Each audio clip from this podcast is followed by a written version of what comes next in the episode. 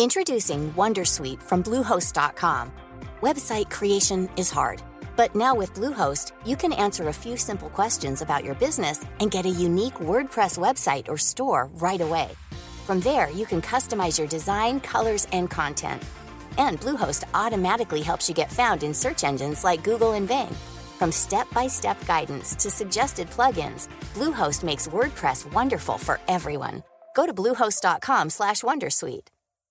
Hey Dave. Yeah, Randy. Since we founded Bombus, we've always said our socks, underwear, and t-shirts are super soft. Any new ideas? Maybe sublimely soft. Or disgustingly cozy? Wait, what? I got it. Bombus. Absurdly comfortable essentials for yourself And for those facing homelessness. because one purchased equals one donated. Wow, did we just write an ad? Yes. Bombas. Big comfort for everyone. Go to bombas.com slash ACAST and use code ACAST for 20% off your first purchase. En av de bästa liknelserna jag har hört för det här med AI-assistenterna och ChatGPT och AI överhuvudtaget, det är som att alla har vi nu möjligheten att ha en egen juniorassistent. Och vissa saker som den här junioren kommer göra är bedrövliga, andra slår man sig för huvudet. Men vissa saker är faktiskt liksom värdefulla eller i alla fall utgångspunkter att ta avstamp från. Men jag tror att utmaningen för de flesta av oss är, liksom, nu har vi fått den här junioren i vårt liv. Hur använder vi eh, liksom, den här, det här verktyget? Hur får vi ut mest nytta av det? Varmt välkommen till Rika Tillsammans-podden som handlar om allt som är roligt med privatekonomi och livet. Varje vecka delar vi med oss av vår livsresa, våra erfarenheter, framgångar och misstag så att du ska kunna göra din ekonomi, ditt sparande och ditt liv lite rikare. Vi som driver denna podden heter Caroline och Jan Bolmesson. Idag är dags för avsnitt 300 och jag tänkte att detta skulle vara lite jubileumsavsnitt, att vi ska så här prata om så här, vad har vi lärt oss de här 300 avsnitten och ha, ha det handla om lite era som lyssnar och tittar, era historier. Men häromdagen så lyssnade jag på en föreläsning på Patreon eh, där vi bjöd in två stycken personer, Johan Leitet och Fredrik Ahlgren från eh, Linnéuniversitetet som jobbar då med datavetenskap och hade dem att ge oss en introduktion till det här med AI, ChatGPT, Midjourney och allt det där. Och jag har varit lika delar förskräckt och lika delar superentusiastisk. Så jag vet inte om jag är liksom rädd eller entusiastisk, eh, men jag var så här, alltså detta är så viktigt och den föreläsningen upplevde jag var så ögonöppnande att det är fler som behöver liksom lyssna och titta Ja, på ja det. men vad händer med vårt jubileumsavsnitt ja, men det, det, får, det får komma sen. Det får komma sen. Eh, för att jag, alltså så här, om jag tar den entusiastiska sidan av mig, så är jag så här, alltså detta är som liksom nästa, in, detta är lika stort som industriella revolutionen. Alltså på riktigt. Mm. Alltså på, på 1800-talet så lärde vi människor att automatisera arbetskraft, alltså fysisk kraft, liksom motorer och industrier. Och, och idag är ju allt är ju egentligen industriellt. Alltså om vi tittar oss runt i studion, där är ju ingenting som är handgjort. Nej, Allt är, är allt är industriellt. Och jag tror att detta är första gången vi människor har lyckats automatisera intelligens eller automatisera tankekraft. Ja. Om det innan var muskelkraft så har vi nu automatiserat tankekraft. fast det har vi ändå gjort med datorn ganska länge. Nu är det väl ändå Ja, någon, en annan grej med Ja. intelligensen. Ja, men detta är ju att för första gången så kan den skapa och generera nya saker. Innan har den varit duktig på att Den har lösa ett verktyg. Den har bara varit ett Ja, verktyg. mm. Nu blir den ju det, det som eh, står i den här ChatGPT, att det är generative.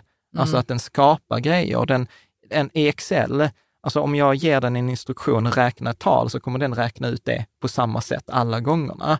Och hit historiskt har det varit så att man generera en text, då genererar den alltid samma text. Nu de här nya verktygen genererar ju nya texter och gör varianter och du kan resonera med dem och säga så här, ja men denna texten är bra men jag vill att du förkortar den. Eller denna texten är bra, skriv en sammanfattning. Eller som nu i förra veckan när vi hade intervjuade Norban, så skickade jag in alla frågorna jag hade liksom skrivit och sen var jag så här, men föreslå frågor som om jag var en eh, Tim Ferris. Vilka frågor hade Tim Ferris ställt till en mäklare? Och du vet, då resonerar den som Tim Ferris. Eller så är jag så här, men jag är en journalist som är granskande. Vilka granskande frågor hade en jo- journalist Ja. ställt till en Ja, mäklare? Och sen kan jag säga, de, de här frågorna var inte bra, generera nya. Mm. Och den Den typ... tog inte ens illa upp att du sa de var inte bra. Nej, nej och det, men vet du vad det roliga är? Så här, vet, när, jag, när jag bett den generera dem liksom åttonde gången, du vet, då börjar jag känna nästan som, alltså förlåt att jag ber dig göra detta en gång till. Och det är liksom Den är första bara gången- glad för den kan bli mer intelligent då. Ja, ja, ja, så att det är superspännande och framförallt så upplever jag varför jag tycker att detta avsnitt är så viktigt. För jag satt på ett styrelsemöte häromdagen och eh, så sa jag till vdn så här, okej, vad är er plan nu för att använda allt det som händer just nu? Följer ni ens utvecklingen? För det händer, alltså, där kan vara en grej som du var liksom i måndags, tänkte man så här, detta hade varit coolt om den kan göra. Och sen vaknar man på tisdag morgon, då är det någon som har gjort det. Så det går så sjukt fort. Och då säger de andra styrelseledamöterna, alltså här, kan ni inte ta det sen, eh, vi, nu måste vi prata om rörelseresultatet om vi går med vinst. Och jag var så här, alltså detta är den största möjligheten för företag och privatpersoner att starta eget, liksom någonsin. Och det är det största hotet, att företag och personer som inte är med nu kommer hamna efter. Lite som jag sa till vår programmerare, hänger du med nu så kan du bli tio gånger bättre programmerare. Hänger du inte med så kommer du bli omsprungen om ett år av programmerare som använder AI för att stödja sig Men det själva. blir liksom en rädsla i det också. ja, men, ja, men det blir det. Men om jag ska prata om en annan rädsla som jag har haft för AI, ja. så har det ju varit eh, att jag, ja, som alla andra, att det ska liksom ta död på oss eller någonting. Men så har jag känt så, här, men jag är liksom som en kvinna på 1800-talet som var rädd för elektriciteten. Ja. Ungefär, alltså jag, kan inte vara, jag kan inte resonera om min samtid på det viset. Nej. Så att jag får liksom eh, hellre vara en del av det kanske då. Men jag tror att man behöver vara en del av det. Och det där är de här två, Johan och Fredrik, jag ska inte sno deras föreläsning, utan de, de gör det fantastiskt bra, eh, tycker jag. De har bra metaforer. Och det de säger är så här, nej, vi kommer inte bli ersatta av AI. Vi kommer bli ersatta av en person som använder AI. Och jag tror att det är en viktig distinktion. Vi är inte där, vi är inte i Terminator-scenariot. Det, det är inte det vi handlar utan vi är i scenariot där till exempel så här, de tar ett exempel med Levi's, klädmärket, jeansmärket, som har gått ut och sagt nu så här, vi kommer sluta använda mänskliga modeller, utan vi kommer generera liksom AI-modeller. Och det är folk så här, AI-modell, så här, du kommer inte se skillnaden på en riktig Jag person. trodde inte på dig, för jag har ju, inst- jag har ju Levi's på Instagram. Ja, Och för mig när jag ser de bilderna så är det ju människor från livet. Liksom. Levi's är en del av livet och människor. ja. Så jag, jag trodde först inte Ja, dig. nej, jag trodde inte heller. Jag har också varit så här, men vi har en podcast här. Ja, häromdagen kom första AI-genererade podcasten ut, ett samtal mellan Joe Rogan och Sam Altman. Sam Altman är grundaren till de här OpenAI.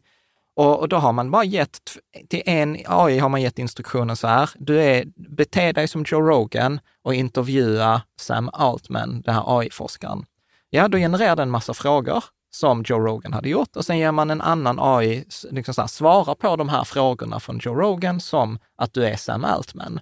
Och sen har man de samtalen, som har genererat en text och sen har man gett den texten till en annan sån här AI-motor som genererar ljud. Och idag behövs det bara så här, du behöver tre sekunder från en persons eh, inspelning för att kunna generera ett samtal med den personens röst. Ja, ja. Eh, Och då har den liksom varit, då är det en podcast. Liksom, som du är, som lyssnat är, på den? jag har lyssnat på delar av den. Mm. Och, och så här, man, hör, man hör inte någon skillnad i större delen. Sen är det detaljer där man märker så här, okej, det, detta lät konstigt. Men, Mm. men så här, det är dagar bort att det Ja. fixas. Mm. Eh, en annan grej som jag inte alls hade tänkt på, eh, som de, Johan och Fredrik pratar om, är så agenter. Att du vet så här, eh, nu har det precis, alltså bara denna veckan, alltså vi pratar inte så här halvår sedan, vi pratar denna veckan. Vi spelar in detta den 14 april. Och detta är säkert inaktuellt när vi släpper detta den 22 april. Mm. Det är att man pratar om agenter, agent GPT, att man kan ge GPT så uppgifter, så här, gör en eh, marknadsanalys. Det var någon som har gjort detta på, på Twitter. Jag ska starta ett, eh, ett skomärke som ska göra vattentäta sportskor. Gör en konkurrentanalys på de fem största konkurrenterna.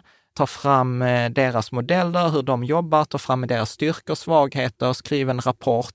Var borde jag eh, organisera mig för att ha störst framgång? Så gick han och la sig. Och sen så höll den här agenten på, googlade, tog reda på, skrev samman och sen Alltså prata med en AI Pröva för att få liksom ja, svar på AI, sina frågor. Ja, AI gick ut och googlade. ja, ja. Mm. sammanställde informationen, googlade vidare, satte, fyllde på liksom ett dokument och sen hade han en färdig liksom, konkurrentanalys. Jag har eh, en, en annan person, ja, Johan, berättade att han är ordförande i en scoutkår. Då var han så här, ja men gör en årsredovisning utifrån de här siffrorna.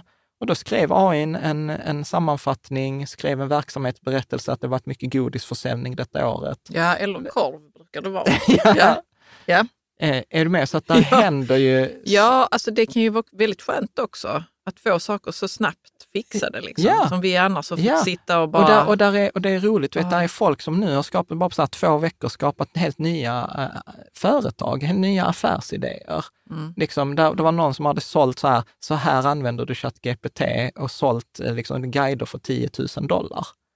Och, Ja, och då förstår man också hur, hur eftertraktansvärt det är om folk är beredda att betala så mycket för att få veta folk hur inte. använder jag det bäst och Ja. vad kan jag göra, vad kan jag inte göra än. Ja. Eller och det är liksom- det jag tror som jag egentligen vill ge bort med detta avsnitt. Så. Mm. Testa detta. Mm. Jobba, jobbar du med en dator, jobbar du med text, jobbar du med bild, jobbar du med foto, alltså så här, testa Midjourney, ta den tiden och det är inte svårt idag. Midjourney. Midjourney är den som skapar bilder. Alltså att du kan skriva så här, ja men jag vill ha, som jag till exempel nu i Riket Tillsammans-programmet, så behövde jag så här visionsbild. Så var det så här, rita en eh, bild med en väg genom livet med en person som du tittar på bakifrån som går mot horisonten, där är träd på sidorna och en vägskylt. Och gör detta i temat som att det är ritat med vattenfärg. Mm. Och du vet, Och så jättefin jag fick en jättefin Mm. bild. Mm. Där är folk som har gjort den där kända påvebilden. Med, Ja, när han har en dunjacka från Balenciaga Ja. som inte existerar. Som inte existerar, men ser sjukt verklig och Ja, det gör det. Jag jättesnygg. bara, shit vad snyggt. ja, vad kan man få tag i det? Ja, men eller hur? Ja, nej, men, det är, men det är också lite så, liksom, hur ska man veta vad som är äkta och vad som inte är? Det, pratar de någonting om det? Ja, eller? Ja, och det korta svaret är Mm. så att i framtiden, precis som jag sa innan, att I framtiden. Alltså du vet, det har vi typ pratar om redan veckor, hänt. ja men vi pratar om veckor. Ja. Eh, eller kanske eh, så här, lite månader. Detta Mm. kommer nog. Men precis som jag sa innan, att allt som vi har här i studion är industriellt tillverkat. Mm. Allt kommer sannolikt vara AI-genererat. Jo, jo, men jag tänker nyheter eller saker som någon har sagt. Man bara, har du sagt det eller ja, är det ja, AI ja, ja, på film så att man tror att det är du som säger det Ja. här deepfake eller vad det heter? men det, där är vi ju redan. Jo, jag vet att vi är där, men det har ju bara typ hänt som Cruise och Donald Trump eller något Ja, sånt. ja, ja, ja, men det kommer ju hända alla. Ja, Så att, Men ja, men det är saker vi behöver Ja. förhålla oss till. Men det, absolut. men det blir ju också så här, tänk möjligheterna. Mm. Och det är detta som jag menar att du kan på riktigt, om man lär sig använda detta, så kommer man kunna öka sin produktivitet på jobb. Alltså alla som är på jobbet och sitter framför en dator borde testa. För att du kan bli tio gånger, på, jag skämtar inte, tio gånger mer effektiv. Det som jag tror att problemet av oss just är nu som i början av IT-bubblan, att det dyker upp så många verktyg, så många tjänster att man fattar inte riktigt vad ska jag använda det till. Nej, exakt. Det är som liksom, eh, så att jag tror att man behöver testa sig fram och nu i början så tror jag att det, det största misstaget folk gör, detta pratar Johan och Fredrik om, är ju att man tror att detta är så här en sämre version av Google. Mm. Alltså istället för googla så går jag till ChatGPT och sen så Ställer en lite rolig fråga. och så ställer man lite rolig Ja. fråga, så här, var finns Eiffeltornet? Och så säger den så här, i Stockholm. Och så är man lite så här, "Höhö, titta den är ju dålig. Men då, och, men, men då använder man det fel. Och de säger så här, alla måste vi passera fasen där vi tror att ChatGPT är Google, för vi är så vana vid Google. Och han säger, tänk mer på det som att, du vet, tänk om det är en hund som har liksom lärt sig franska, ryska, engelska, tyska, alla språk. Och så kan vi plötsligt, plötsligt prata med hunden. Och allt vi kommer på är att ställa frågan till hunden, så här, var är Eiffeltornet? Och så säger den då Stockholm och så är vi så här, bara, titta vilken dum Fast den hund. svarar fel på en, på en basic fråga. Den svarar fel på en basic och vi tänker inte på så här, shit, hunden snackar ju alla språk. Vi kan be hunden skriva om våra texter, vi kan be den översätta, vi kan Mm. be den sammanfatta, vi kan be den skapa frågor, vi kan, vi kan till och med be den att bete sig som en annan person. Alltså här, hur hade Tony Robbins, hur hade Donald Trump skrivit detta talet? Hur hade en tolvåring svarat på denna frågan? Och där, jag tror det enda sättet är att experimentera sig fram. jag kanske har lite roligt att fråga sånt som man själv undrar över. Ja, alltså precis. Till exempel Eh. skriva tal. Till exempel så här, jag ska Mm. hålla tal på, på en begravning eller på en bröllop eller på student. Det är snart studenter. Mm. Håll, skriv ett studenttal eller det var någon som hade använt det så här, jag vill ha en eh, matse, apokalyptisk matsedel. Och sen genererar den matsedel. Ja, för så, det är faktiskt roligt. ja. Och sen var det så här, ja men skriv, skriv, mat, eh, skriv inköpslista för den här apokalyptiska matsedeln. Så, du kan ju resonera med den. Det kan du inte göra med Google. Ändå att den svarar fel på varför Eiffeltornet är någonstans. Nej, men ja, den men kan det var- ge det var- en det- apokalyptisk matsedel. Alltså det är lite så mindboggling. Liksom. jag, jag ska kolla det med ChatGPT. Ja, Vad äter man då? ja. Och, och det jag menar, och detta är så här, man behöver prova sig fram, man behöver testa verktygen och jag lovar så här, det är lätt värt de här 20 dollarna i månaden. Det kostar Ja, för det att ha- kostar. Det, ja, man kan använda gratis, men då hamnar man ibland i kö och man kan inte använda så mycket man vill. Nej. Men jag är så här, 20 dollar, alltså så här, testa, det är värt det för att liksom se möjligheterna med det här. Mm. Gud, gud ja, ah, superspännande. Ja. Jag är helt entusiastisk och, och, och lite orolig. Vad är du orolig för? Alltså, eller vill jag veta det ens? Nej, men jag är lite så här, jag är rädd att hamna efter. Jo, rädd. det förstår jag, men det kommer du ju inte göra, John. Nej, jag Och hoppas. många andra, tack vare dig, kommer inte heller hamna efter. Nej. Så, Så att, eh, och där tänker jag också, vi har en tråd i forumet, så eh, jag kommer skriva, försöka hålla den uppdaterad så att man vet så här, börja här, här Mm. är en guide till hur du kommer igång.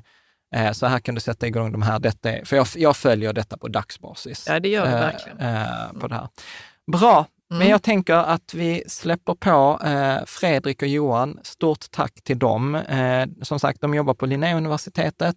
De har en podd som heter Teknik i akademin.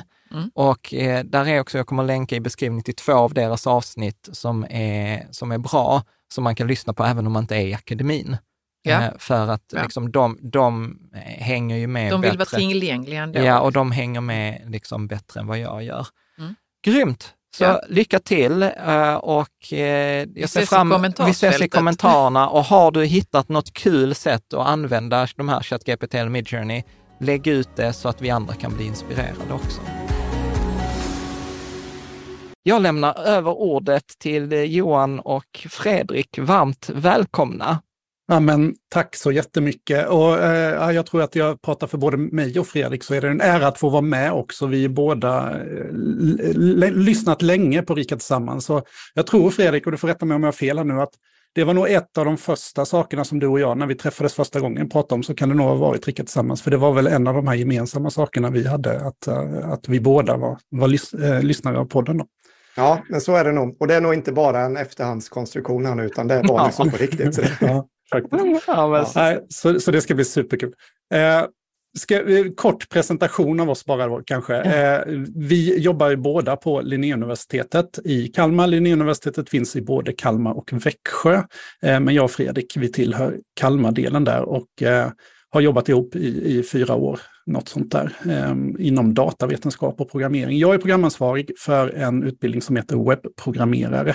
Så jag eh, har de senaste 20 åren sysslat med att eh, utbilda programmerare. Eh, så vi har idag studenter, eller alumner då, som finns på de flesta företag i Sverige skulle jag tro.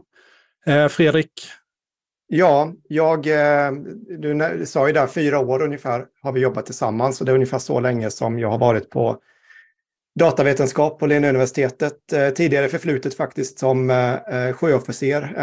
Nu, är det, nu börjar man känna sig gammal. Nu var det 14 år sedan jag slutade där. Men gjort den akademiska karriären och är också forskare och forskare inom IoT, Internet of Things, driver ett forskningslabb, undervisar också förstås eh, en del, men eh, mer projektledning och forskning än undervisning, om man nu ska kategorisera mig och Johan i olika fack. Då. Eh, så där har vi oss två.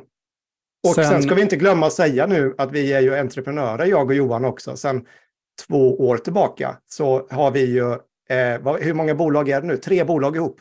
ja, Ja. Eh, och, och det, Jan, du får nog, vi får skylla på dig lite där också, för jag tror Ja. att eh, du, du, du satte lite sådana här tankar i huvudet. Men något, jag tror det var ett fika tillsammans för ett antal år sedan med just eh, temat nyföretagande och varför man ska ha ett företag, så det är jättekul. Ja. Um, det, låter, det låter som att vi har fler avsnitt vi ska göra. Ja, sen vet jag inte om, om det var så bra att ha, ha fyra företag. Ja, det är tre tillsammans, men, men vi har fyra företag. Ja. Men jag brukar säga så här, entreprenörer har alltid fler bolag än de behöver.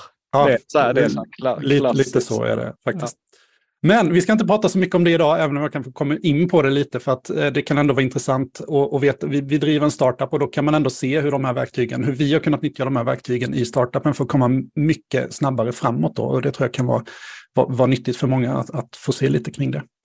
Ehm, jag, vi har ingen så här direkt presentation, men vi har lite bilder ändå som kan, kan vara bra. Och jag är ju eh, 100% poddlyssnare eh, av Rika Tillsammans, så jag ska försöka att liksom också tala till bilderna här så att eh, ni som, som lyssnar på det här i efterhand i, i poddformat kan, kan liksom eh, ta del av det här också. Eh, men eh, om vi ska börja från början då, eller vi backar hit förresten innan, innan vi går vidare. Det här som jag och Fredrik och många med oss upptäckte den 30 november Eh, 2022 är ju egentligen anledningen till att vi står här idag, för vi satt hemma eh, en lördagkväll, minns jag att det var, inte den 30 november om ni faktakollar det, men, men någon dag efter där. Eh, och så blev det snabbt en sån här Facebook-tråd där eh, Fredrik och en annan eh, eh, kompanjon här i Kalmar började skriva lite om, har ni sett eh, att eh, OpenAI har släppt liksom ChatGPT nu? Det är en helt ny upplevelse jämfört med de här API-erna och, och, och, modellerna som man tidigare kunde använda. Eh, och vi började liksom utforska det där på engelska och Eh, det ena ledde till det andra och vi, vi, jag tror vi satt där med öppna munnar allihopa eh, på, på lördagskvällen och bara, men herregud, vad är det här? Det här kan ju liksom inte vara på riktigt att det fungerar så bra som det gör. Eh, och det, det, vi satt och, och, och, och liksom gapade över, det är just den här produkten då, ChatGPT, som släpptes av, av OpenAI. Och jag tänker som så att vi börjar ändå lite från början, för att eh, jag, jag, vet av erfarenhet när vi har varit ute och föreläst och sådär, så, så det är många som känner till vad ChatGPT är och har använt ChatGPT, men det är också många som kanske har talat om det men, men ändå valt att kanske inte, inte testa eller sådär. Eh, det är ju, tillägga också Johan att det är ju många som har testat men eh, där vi ser att ni har inte förstått vad det handlar om. Att det är, det kan vara värt att, eh, att säga. En del eh, de har förstått och en del, eh, man ska väl kanske inte göra några religiösa, vi, jag, vi är absolut inte religiösa jag och Johan här nu, men jag tänker att de som säger att de är frälsta, de kanske kan se att andra människor har blivit frälsta eller inte. Och då om man skulle kunna ta någon analogi då så kan man väl tänka sig att när man har förstått vad det handlar om så har du en annan insikt i detta än tidigare då. Kan det vara en Ja, nej men absolut. Ja. Jag, jag hade ju sömnproblem eh, flera dagar efter vi hade liksom eh, börjat titta på det här. Jag hade svårt att, för, för det var så mycket, tankar så, som, som, som, som började i huvudet kring liksom existentiella frågor. Att liksom, ja men herregud, om en maskin kan göra det här, vad är, liksom, vad är min roll i, i allt det här då? Jag kan, jag, kan, jag kan flika in att det är där jag känner att jag är. Att det är så här, jag har testat, jag har använt det, jag fattar att detta är någonting jag borde sätta mig in i och jag inser så här, jag fattar att jag inte fattar. Mm. Så jag, jag, tror att det är många där. Liksom. Nej, men precis. Och bara för att få lite, lite kött på benen vad det gäller terminologin här, för att eh, den här produkten då, den heter ChatGPT och det är egentligen det här GPT då som, som, som är eh, ganska intressant.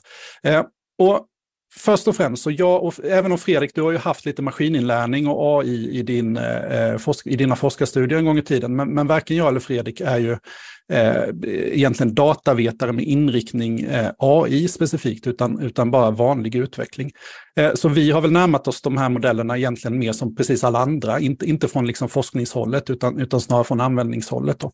Eh, och, och, GPT, och det första om vi tittar på GPT, alltså generative, det, det är eh, intressant. Och, jag, och, skulle jag döpa den här, för, för jag tror titeln här Jan, den satte vi tidigt, men, men hade, hade jag fått möjlighet att, att ändra titel idag då, så hade det kanske varit ChatGPT och andra generativa AI-assistenter som hade varit eh, målet. För att det här med generativ, det är det som är intressant och det är det som är det nya. Och här handlar det om att, att det kan generera innehåll. AI som vi har sett innan har, har, har använts mycket för beslutsstöd och sådär. Men det som är lite nytt och häftigt här, det är just att, att vi kan använda AI till att generera saker. Om det så är text, det är bild, det är video, det är ljud. Det, det är liksom multimodalt på det sättet. Mm. Um, Pre-trained, Fredrik, vill du förklara var, varför står det pre-trained där? Eh, ja, du ställer så, eh, precis. alltså, hur de här modellerna tränas. Vi fick, eh, det, det blir ganska komplext att förklara det. Vi kan väl säga att vi, vi kan liksom generalisera och tänka så att okej, okay, vi har en AI-modell som kan generera text. Det kan vi se framför oss då. Hur gör man när man tränar en sån här eh, modell då? Utan att gå in på hur ett neuralt nätverk är uppbyggt. Det är faktiskt enklare än vad man tror. Eh, den försöker efterlikna hjärnan, men de blir stora och väldigt, väldigt komplexa. Eh, så när man bygger ihop det här så blir det ganska komplext ändå. Men om vi tar en modell, tänk nu att du har en maskininlärningsmodell. Den försöker efterlikna egentligen ett, ett mänskligt lärande. Det är ju det allting handlar om. Det är därför vi kallar det maskininlärning. Att vi istället för att programmera hur saker och ting ska bete sig, att om detta händer så ska detta hända. Alltså tänk rent programmeringsmässigt. Jag trycker på en knapp, då lyser en lampa. Där har vi ett villkor. Eh, istället så kan vi få en dator att lära sig att göra detta genom att egentligen titta på många exempel. Eh, och där har vi själva träningsdelen. Och hur gör man när man tränar en stor textmodell? Eh, jag tror att det var någon som gjorde ett ganska bra exempel. Det är att om vi tar en sån här läsläxa som man hade i tyskan, engelskan eller vad som helst. Eh, och sen så är det lite ord som är ja, utsuddade och man ska fylla i the blanks. Man har kanske aldrig varit med om någon liknande situation då. Eh, vi tänker att vi låter en dator göra det. Den gissar ord och sen så får den en lite feedback om den gissade rätt ord eller gissade fel ord. Och varje gång den gissar rätt så får den en liten bonus då. Då har det alltså en, en det kallas reinforcement, då, att den, den får en bonus för det. Eh, så den lär sig att det här var rätt och det här var fel. Eh, och hela grejen är den att gör du det tillräckligt mycket så kommer den bli väldigt duktig på att gissa ord. Gör du det med jättestora mängder text, och vi pratar inte om, vi pratar om, tänk hela internet här nu, exakt hur mycket text som används för det här är ju inte helt öppet. Det är en av den kritiken som också OpenAI eh, har mot sig då. Men då händer någonting, att den börjar inte bli duktig på att gissa ord, utan den blir väldigt duktig på att också förstå språket. Eh, och därav då eh, ja, vad ska man säga, förklarar man träningsdelen på något väldigt mm. övergripande sätt. Då. Eh, och det som är intressant med de här GPT-modellerna är ju att när jag säger vi inte förstår, det är en sak att jag inte förstår eller Johan inte förstår, men vi som mänsklighet förstår inte riktigt hur, hur de kan vara så bra på språk. Det finns eh, eh, intervjuer med Sam Altman och med flera som har varit med och tagit fram de här modellerna där det var en upptäckt för dem att de var så duktig, att modellen var så duktig på olika språk utan att egentligen ha lärt sig mycket, så mycket om det språket. Att modellen i sig har kunnat hitta mönster i det mänskliga språket som gör att den är ganska duktig på svenska, även om inte den har tränats på speciellt mycket svenska. Så det är jättespännande och vi förstår egentligen inte riktigt hur de fungerar, även om tekniken är där och den är helt öppen eh, så har det hänt någonting när vi har tränat det på väldigt stora mängder text. Då. Mm. Sen just att det heter transformer, det var väl en historia där, det var väl något litet modeord då. Det kunde hetat någonting annat också. Men man använder ordet transformer här nu. Det är egentligen ingenting som transformeras eller någonting i den här modellen, utan jag minns inte exakt historien. Men, men, men Google hade väl, de har väl använt det där ordet från 2017 eller 2018 någonting. Ja. Eh, och det är ju en av de här grundpelarna också i hur de här modellerna fungerar. Men vi ska mm. inte gå in så mycket mer på det. Eh, jag tänker vi går över till att titta på, jag ska bara byta här så ska ni få se det är väl lika bra att liksom visa eh, istället direkt eh, hur eh, det här kan fungera. Då. Vi kan väl eh, bara visa här vad, ett exempel. Vad jag har gjort nu är att jag gått in på chat.openai.com och det är då ChatGPTs eh, eh, där man hittar den här. För, för chatt i det här med GPT, saken är att GPT och, och de här modellerna, de fanns tillgängliga, eh, har funnits tillgängliga i många år i olika versioner. Men det har varit lite otillgängligt för, för, för vem som helst att använda dem. Man måste gå in och man måste konfigurera lite och det är lite bökigt att använda verktygen och sådär. Så bara det att OpenAI här eh, då i november la på det här chatt, eh, liksom bekanta chattinterfacet ovanpå. Det var ju egentligen en av de stora bitarna så, som fick allting att ta fart. Då. Eh, jag använder mig av modellen GPT-4 här. Den släpptes för ett, eh, någon månad sedan eh, nu eh, och den är betydligt bättre än den modellen som då släpptes, 3.5 som släpptes i november. Jag gjorde så här Jan, nu får du inte stämma mig här för någon copyright-grej, men jag bara tog och gick in på, på Rika Tillsammans och så tog jag texten kring, kring fyra hinkar-modellen, för den är ju ändå relativt känd här. Så bara tryckte jag in den så här rakt upp och ner. Och det här är den första grejen som man kan ta med sig här nu, att eh, vi, kanske, vi gör så här, vi, börjar så här förresten. Ja, om, man, om man kommer in som, som ny användare så ser det ut på det här sättet. Man kan välja eh, GPT 3.5, det är den som är förvald. Eh, om man då har, som jag har nu, ett betalabonnemang, då kan man välja den nyare modellen GPT 4 som är betydligt bättre. Så att jag tänker, vi tar den. Eh, och så skriver jag eh, så här, vad är rika tillsammans? För det här är ofta här man börjar på något sätt. Eh, och det kan, det kan kommentera där Johan också, för det kom en kommentar här nu om mm. någon som, eh, jag kan läsa upp kommentaren för det är en som skriver där. Det var eh, Robert Asple där, eh, som, om bombning i Göteborg. Eh, och då visade det sig att Göteborg hade bombats, om jag förstod det rätt eh, där, vilket inte hände då. Och det är ju det som du försöker göra en poäng av här nu, är att det här är ju den här modellen är också världens bästa bullshit-maskin. Och en av de största misstagen, eller de, som vi ser de flesta människor som börjar använda den här modellen, är att vi är så vana vid att använda Google. Vi är så vana vid att använda sökmotorer, så vi använder detta som en kunskapsbank, som en sökmotor. Och det är inte Google, punkt. Det betyder att ni kan fråga om Göteborg bombades och den kan säga att det gjorde den. Och sen så kanske då väldigt många människor eh, tänker att ah, hö, hö, hö, det var ju inte så imponerande, den kan ju ingenting. Men jag tror det var Troed som sa det när vi hade honom i podden. Jag tyckte det var väldigt eh, bra eh, liknelse där. Eh, hur var det nu? Det var den här hunden. Vi säger att vi har en hund här inne som kommer och eh, eh, pratar franska, den pratar italienska, den pratar engelska och bara att ha en hund som pratar är ju rätt häftigt och den kan alla olika språk. Och sen frågar vi hunden, var ligger Eiffeltornet? Och så säger han New York. Och så säger vi hö, hö, hö, det var ju en dålig hund du hade. Eh, den liknelsen skulle man kanske kunna lägga som ett lager ovanpå ChatGPT då att nej, den kanske är rätt fantastisk även, och det var inte det den var duktig på. Mm. Den här genererar bullshit, men är det bullshit in så kommer det bullshit ut, precis som vi människor fungerar. Eh, och eh, använd inte det som en sökmotor. Det är väl liksom den korta där. Ni ja. kommer inte bli imponerade. Och nu har vi lite otur här då, eftersom Vika Tillsammans-podden är så välkänd så har den ändå, nu har jag inte läst igenom allting här Jan, men, men eh, jag, jag, tror jag, att det stämmer skulle, rätt så bra. Jag skulle kunna skriva under på den, det den sa. Ja. Och, och det är helt enkelt för att i och med att Vika Tillsammans har sån presence på webben så har den liksom ändå snappat upp det här rätt. Men vi kan ta ett exempel då. Om jag gör så här, nu tror jag bara kopierade den första länken som fanns på Aftonbladet här och det, det rör el elstödet försenas eh, för 5 miljoner. Det är en dagsaktuell nyhet. Då är det många som, som testar så här. Eh, vad handlar denna artikel om? Och så skickar jag med den här länken och det här visar ju då på, och nu fick jag modell 3.5 här. Då ser vi att artikeln handlar om förseningar av den svenska regeringens planerade stödåtgärder för att främja övergången till elbilar och minska koldioxidutsläpp. Ah, det här låter ändå rätt så vettigt. Vad, vad vi ska bedöma den här på, det är är den här texten skriven på bra svenska? Ja, men det är den tro troligtvis, för det här är en språkmodell. Men hur kan den fatta då utan att surfa på nätet? För det gör den faktiskt inte. Den går alltså inte ut på Aftonbladet och hämtar den här artikeln. Ja, men den är ju lite klurig. För läser ni den här eh, URLen här så ser ni att elstödet försenas, pratar manader.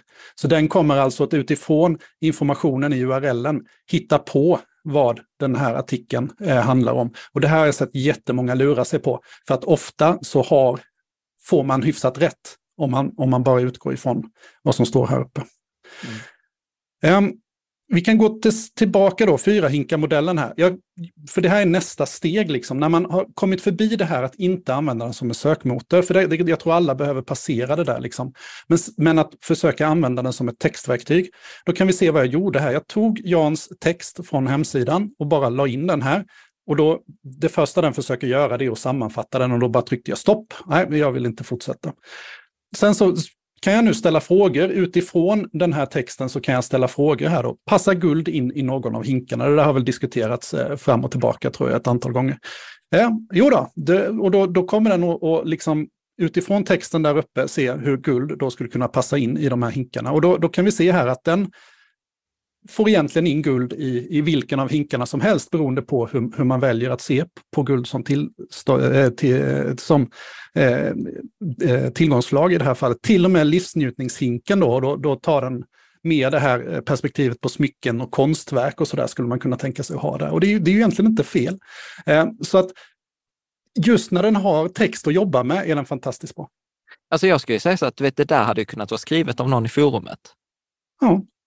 Alltså det, det är ju det som är så sjukt. Och nu är ju forumet öppet också, så att det är mycket ja. möjligt att forumet har legat till grund för ja. träningsdata här. Ja. Och, och, och, det som Fredrik pratade om här med träning, då ska man inte se det som att den har tillgång till forumet och söker i forumet, utan se det här som en person som har läst genom alla forumtrådar. Eh, skulle man fråga den personen någonting så skulle den basera mycket av svaren på forumtrådarna. Men den skulle inte kunna ordagrant säga liksom... Eh, Detta är källan till den tråden. Nej, nej men den, den har en vag uppfattning. Mm. Och det är därför den kan låta väldigt trovärdig ibland och ha helt fel också. För att jag, jag frågade den till exempel vilken är den bästa spelaren i Kalmar FF genom tiderna? Och den var ju helt klart med att det var Zlatan Ibrahimovic. Och man, man, kan ändå, och vi kan säga att Zlatan har aldrig spelat i Kalmar FF, vi kan göra det klart i alla fall.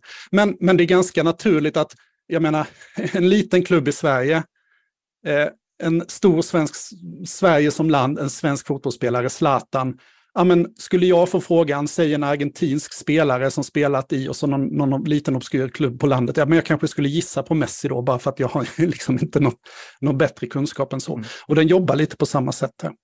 Och sen det försöker gör... den ju alltid vara till lags. Det är också, den är ju tränad för att vara ett, till, ett interface som är till lags till användaren då. Så det har ju varit ganska mycket reinforcement training här nu med mänsklig interaktion för att skapa produkten ChatGPT. Du nämnde lite där innan där Johan, att de här modellerna, GPT-4 har ju aldrig funnits öppen innan, den kom ju bara för en månad sedan, men GPT-3, den kom ju 2020 det är, det är ett tag sedan, det är ju rätt länge sedan. Pratar vi i, i, liksom, i den här världen nu så är det ju det är liksom som förra århundradet känns det som i AI-tid. Eh, och eh, de här modellerna är ju egentligen, alltså de har funnits tillgängliga, men det som gjorde att ChatGPT blev någonting som egentligen förändrade allt, det var att de har lagt på ett user interface. De har också tränat den här så att den ska vara till lags till människan som pratar med den. Alltså den, den är duktig på att följa instruktioner och hålla en dialog. Men modellen GPT-3, den har funnits ett tag. Eh, och jag, bara som ett exempel där, jag genererade ju, jag är lite glad nu att jag gjorde det i efterhand här Johan, för jag tänker du knyter väl handen i fickan här och tänker att nu är den idén upptagen, men jag gjorde ju så när jag var, eh, gjorde ett avslutningstal för våra studenter med GPT. Eh, det var ju faktiskt förra sommaren där, det blev ett ganska roligt tal då. Eh, eh, som jag, och det gjorde jag på engelska och sånt då. Eh, jag genererade faktiskt en, en ehm, eh, ja det var till en eh, konferens i 2019 när jag var i, i Glasgow så använde jag en sån här textmodell, inte alls denna modellen då, eh, men för att generera en nytt abstract från alla konferensens abstract. Jag, jag tog alla abstract på hela konferensen, sammanfogade dem och genererade ett nytt eh, sannolikt abstract från ett paper som inte fanns då eh, och visade på. Så det går att göra, det har funnits, så tekniken har funnits ganska länge, men den har varit så otillgänglig. Så den historien här är att man tar teknik som finns och gör den tillgänglig så händer någonting helt revolutionerande. Och är, det inte lite som, är det inte lite som Apple? Liksom? Ja. Mm. ja, men absolut.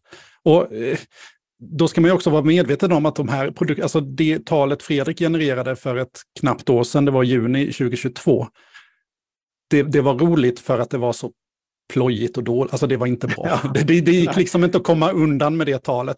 Men idag så håller, hör vi ju tal hela tiden som är genererade med ChatGPT och det går ju inte att liksom säga att, att det där var skrivet med ChatGPT. Så det har ju hänt jättemycket bara på de här månaderna som har varit sedan dess något som jag bara vill trycka på också när vi pratar om den här modellen, det är ju att skulle jag ställa samma fråga igen så skulle jag få ett helt nygenererat svar. Det är också viktigt att ha med sig. Det är alltså inte en databas där det här lagras på något sätt och den plockar tillbaka samma svar. Det är alltså inte deterministiskt på det sättet, utan det genereras ett helt ny text för varje fråga. Och ja, då kan man lätt förstå varför det här har blivit en stor diskussion inom skolans värld. Nu ska vi inte komma in så mycket på skolan, men, men det är klart att, att det sätter alla sådana här plagiatsystem och sådär som, som tidigare har funnits helt utan ut, ur, ur spel, liksom, de fungerar mm. inte längre.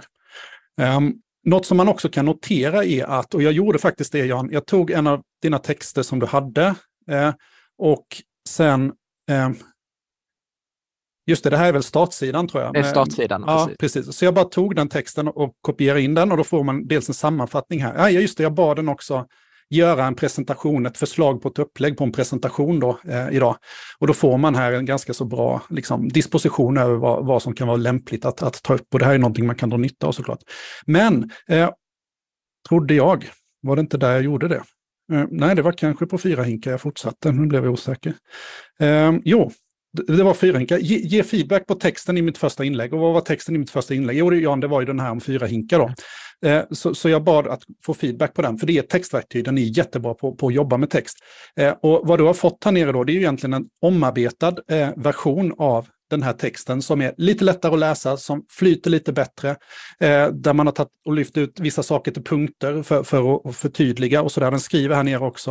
Eh, här, genom att strukturera om texten, använda punktlistor blir det lättare för läsaren att följa och förstå. Så att just det här att, att kunna man kan fortfarande skriva sina egna texter, men, men, att jobba med verktyget för att få den att, att göra dem lite enklare och lite mer lättläst är den väldigt bra på. Speciellt på texter som ska vara effektiva. Vi har använt den mycket för dokumentation och sådär. Och i och med att den här statistiska modellen, den, den liksom lägger orden i den ordning de borde komma. Det gör också att texterna blir väldigt lätta att läsa. Det, det, det är inte sådär att man, man hakar upp sig, utan det, går, det blir ofta ett väldigt bra flow i texterna. Eh, lite tråkigare dock kanske. Så att den här personligheten kan ju försvinna samtidigt. Då. Men det är ju också det, där som är, den här personligheten kan försvinna, det är också där som människan kommer in i det här hur man jobbar med detta. För man får se det här som en, att du knådar en deg. Eh, du jobbar med texten med det här verktyget. Eh, så att du kan ju be att, den, tyckte du att texten var tråkig, be då ChatGPT att göra den roligare. Be den att eh, använda lite andra ord, be den att eh, förklara med lite Eh, får jag komma, får jag komma med, ett, med ett förslag där? Ja, det gör det Johan. Sen, sen tänker jag, alltså någonting som jag har börjat använda den till, som jag tycker att den är sjukt duktig på, det är så här, föreslå tio rubriker till texten ovan. Vi, vi kör den. Ja, för nu kommer den här. Hej där ekonomi, jag ska gissa vad. Vi ska snacka om fabulösa fyra och så vidare. Eh, eh, ge mig förslag på fem olika rubriker veckor. Kan det nog räcka sådär. Uh, ja, så då, då, får vi ju lite olika uh, modeller här och sen kan man ju be den att vara mer seriös eller vara mer, nu kanske den, uh, nej men det här var väl ändå rätt seriöst tycker jag. Um, så ja, men absolut, så, så där kan vi. Jag, jag, ska lämna den här lite. Jag tror att vi kommer ha jättemycket frågor, så vi kommer ja. återkomma till just eh, ChatGPT. Men eh, jag tycker det är så spännande och det var därför jag pratade om det här med generativa modeller. Eh, nu ska vi bara se vad jag har gjort av min PowerPoint, för den har minsann dratt åt skogen. Där har vi den. Och då kan man ju också, medan du letar efter din PowerPoint, alltså kan jag bara flika in då att vi pratar ju om ChatGPT här nu, det mest tillgängliga verktyget, det där kanske som ligger, eh, som eh, de har lyckats PR-mässigt att göra någonting som är fantastiskt här nu, i och med att de, de har verkligen tagit marknaden här och varit först ut. Då.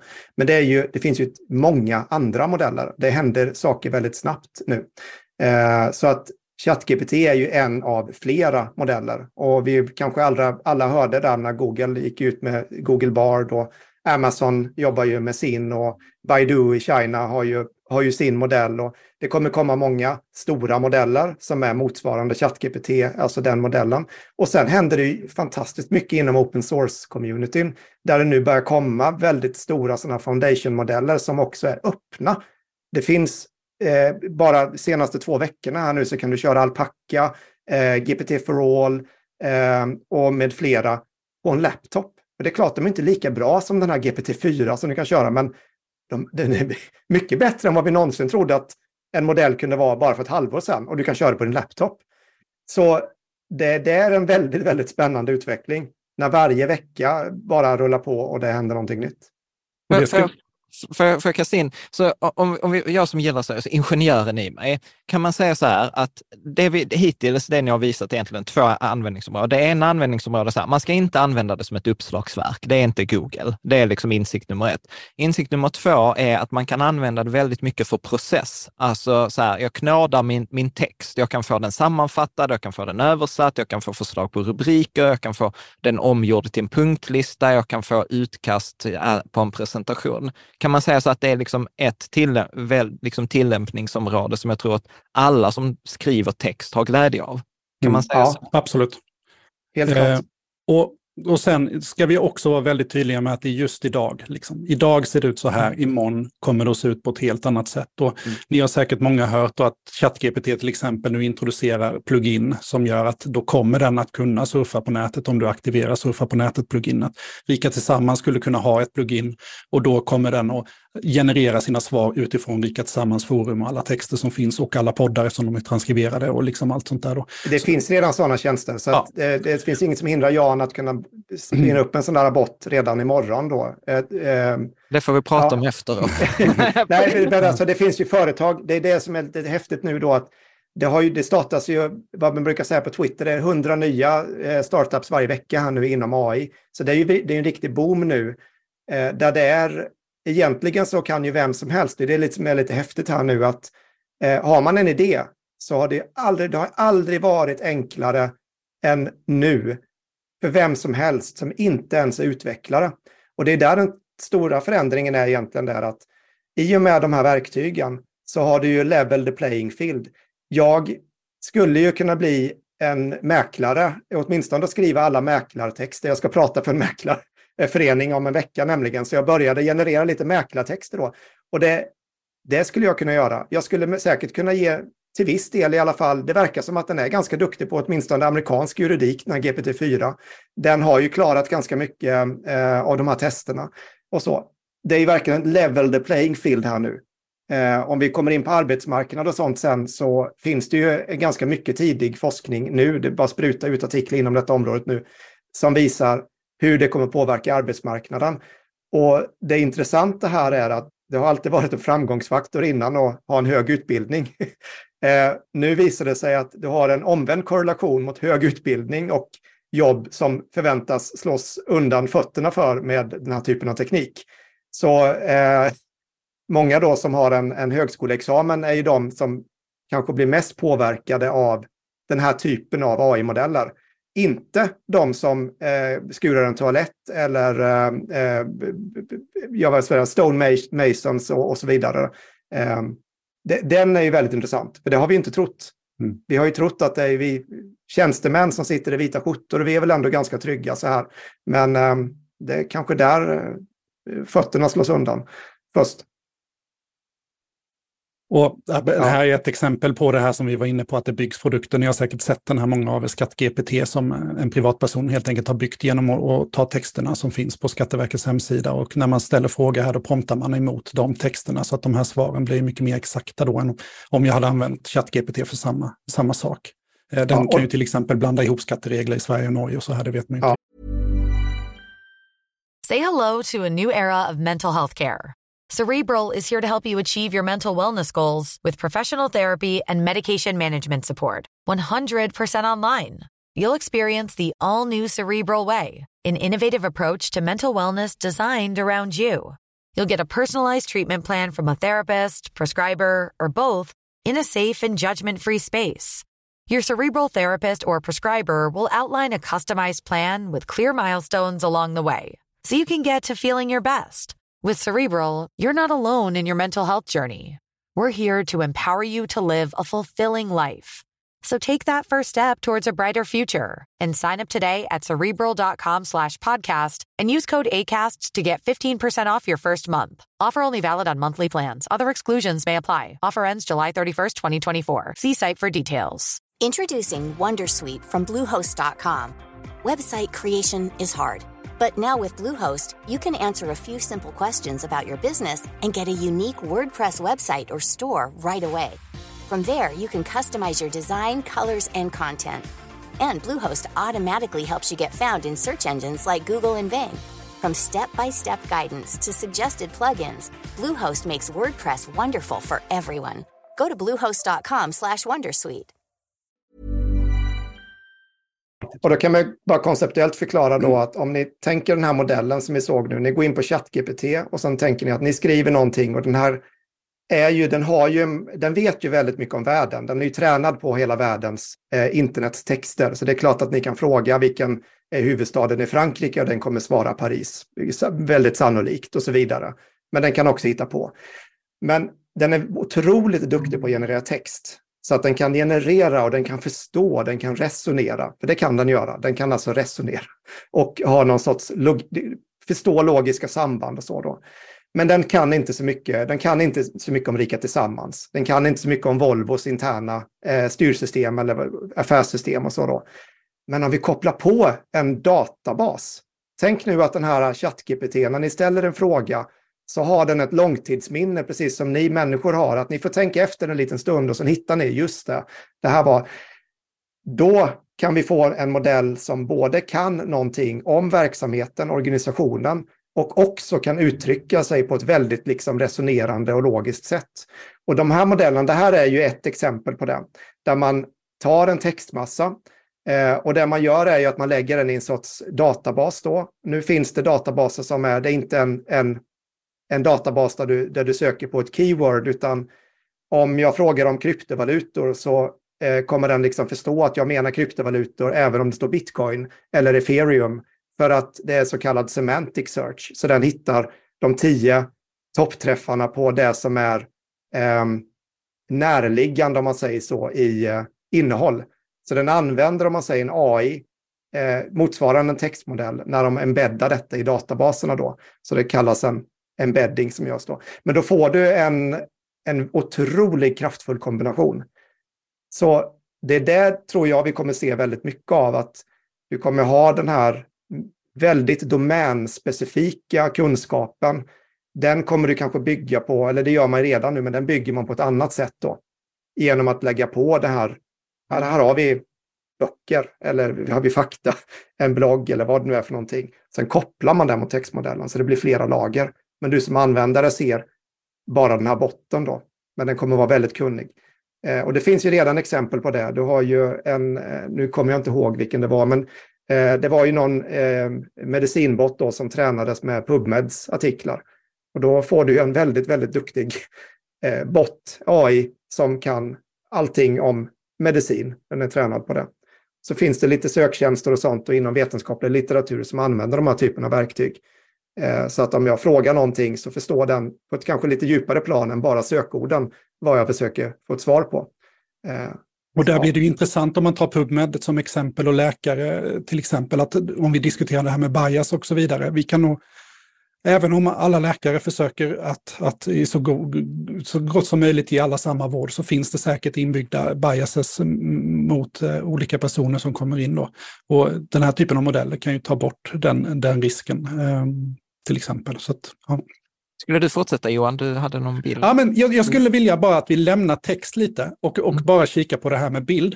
Den här bilden vi ser framför er nu, jag behövde, då, vi pratade examensceremoni tidigare, jag ska ha en examensceremoni på Kalmar slott här i juni. Jag behövde en bild till den. Eh, och istället då för hur jag har gjort tidigare, alltså jag har ju några alternativ. Jag kan ju gå ut och ta en bild själv och arrangera den. Det är dyrt, det tar tid eh, framför allt och, och är rätt så svårt. Man behöver bra utrustning. Jag kan köpa en bild på någon stockfotosajt såklart. Det tar också lite tid och jag måste leta upp en bild framför allt.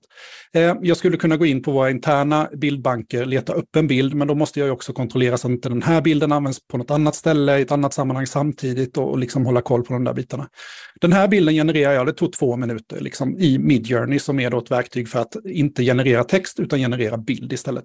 Så det här är ju också precis motsvarigheten mot text då fast i bildformat och vad vi ser framför oss är en, en rätt så fotorealistisk bild på gula blommor eh, och eh, sådana här diplom som ligger ihoprullade. Då.